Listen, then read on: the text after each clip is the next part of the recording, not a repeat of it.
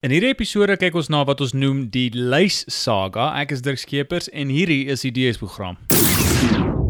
Ja, vir die van julle wat nie die tyd het om die storie te volg nie, hier is dit in 'n neutedop. Afriforum het hierdie week 'n lys plase ontvang. Ons weet nog nie presies hoe of van wie af nie waarin 139 plase geoormerk is vir onteiening sonder vergoeding. En hierdie lys kom blykbaar vanuit die regering, maar toe daar vir hulle gevra is of dit hulle lys is, toe sê hulle nee, die lys is fiksie. Maar daar is weer toe 'n hele klomp ander regeringsamptenare wat sê daar is wel 'n lys. TLESA en die Instituut vir Rasseverhoudinge sê die lys bestaan wel en is kredietwaardig terwyl Agri SA en ander sê die lys is weer bog. Adrian Basson en Bouwer Bosch sê byvoorbeeld hier op Twitter dis onverantwoordelik om die lys te publiseer. Jy kan maar vergeet eintlik van die onverantwoordelikheid om mense se bates te wil vat sonder vergoeding. En in hierdie geval dink ek Adrian Basson sê goed net om mense die harnas in te jaag juis omdat dit kliks dryf en kliks beteken moolah, nie omdat hy dit regtig glo nie. Bouwer Bosch neem ook verder deel aan die debat en en sê dit skep angs. Die lys van Afriforum skep angs en angs verkoop ook soek soetkoek. So daar is oor en weer aantuigings en uh, die vraag wat ek wil vra is almal net uit om 'n rand te maak. Dit vat nie baie sinisisme om jou kop ja te knik nie, maar so gaan hierdie hele deurmekaar spul van die lys aan en aan en aan. En wanneer dit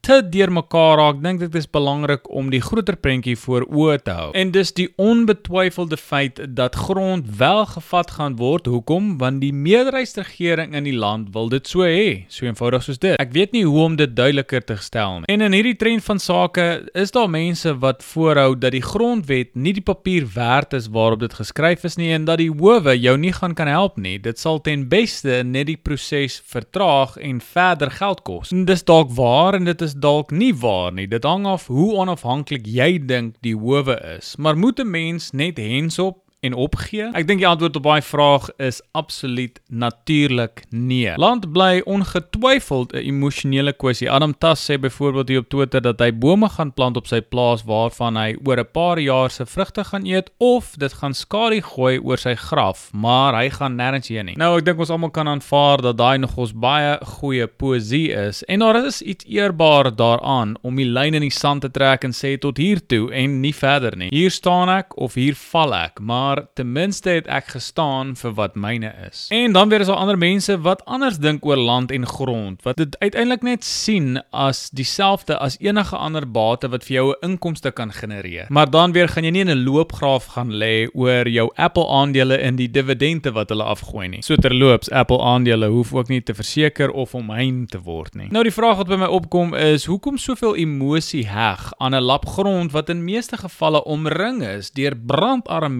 mense wat jou verpes, veral omdat jy durf hulle wil aanstel om op daardie plaas te werk. En soos ons nou weet, in baie honderde, selfs duisende gevalle kom hulle in die klein ure van die nag, daai mense, daai selfe mense en hulle kom en vermink en verkrag jou op jou plaas. Tog bly 'n liefde vir plaaseienaarskap onbetwyfeld in mense se gene en emosies ingeprogrammeer en dis veral waar onder ons warmbloedige Afrikaners. Ons sing daaroor, ons vertel stories daaroor, ons noem onsself boer oor die grond en baie van ons spaar en beplan om eendag ons eie ou plaasie te kan koop. Daar's baie ander mense wat presies dieselfde voel oor plaas en grondeienaarskap waar hulle dink dit is die sleutel tot rykdom. So die debat woed voort en die toekoms bly onseker veral in 'n plek soos Suid-Afrika met sy unieke probleme. In elk geval, dis waar ek hierdie episode gaan afsluit want die storie ontwikkel nog en daar sal 'n opvolgepisode wees. Vir nou wil ek die geleentheid gebruik om julle te herinner dat hierdie die DS program is. Ek wil dit meer van 'n gesprek maak as 'n preeksessie. So voel vry om uit te reik op Twitter en die kommentare te plaas wat julle daar dink en dan wil ek ook hierdie geleentheid gebruik om vir julle amptelik te laat weet dat die DS program blad ook nou beskikbaar is op Facebook as Twitter nie regtig jou ding is nie. Onthou om die volgende te doen doen daai blad te like, in te teken op die podsending op iTunes of waar ook al jy na jou podsendings of jou podcast luister, luister en 'n uh, resensie te los op iTunes. Dit sal vir my baie welkom wees. En soos altyd, tot 'n volgende keer, julle pragtige bliksems.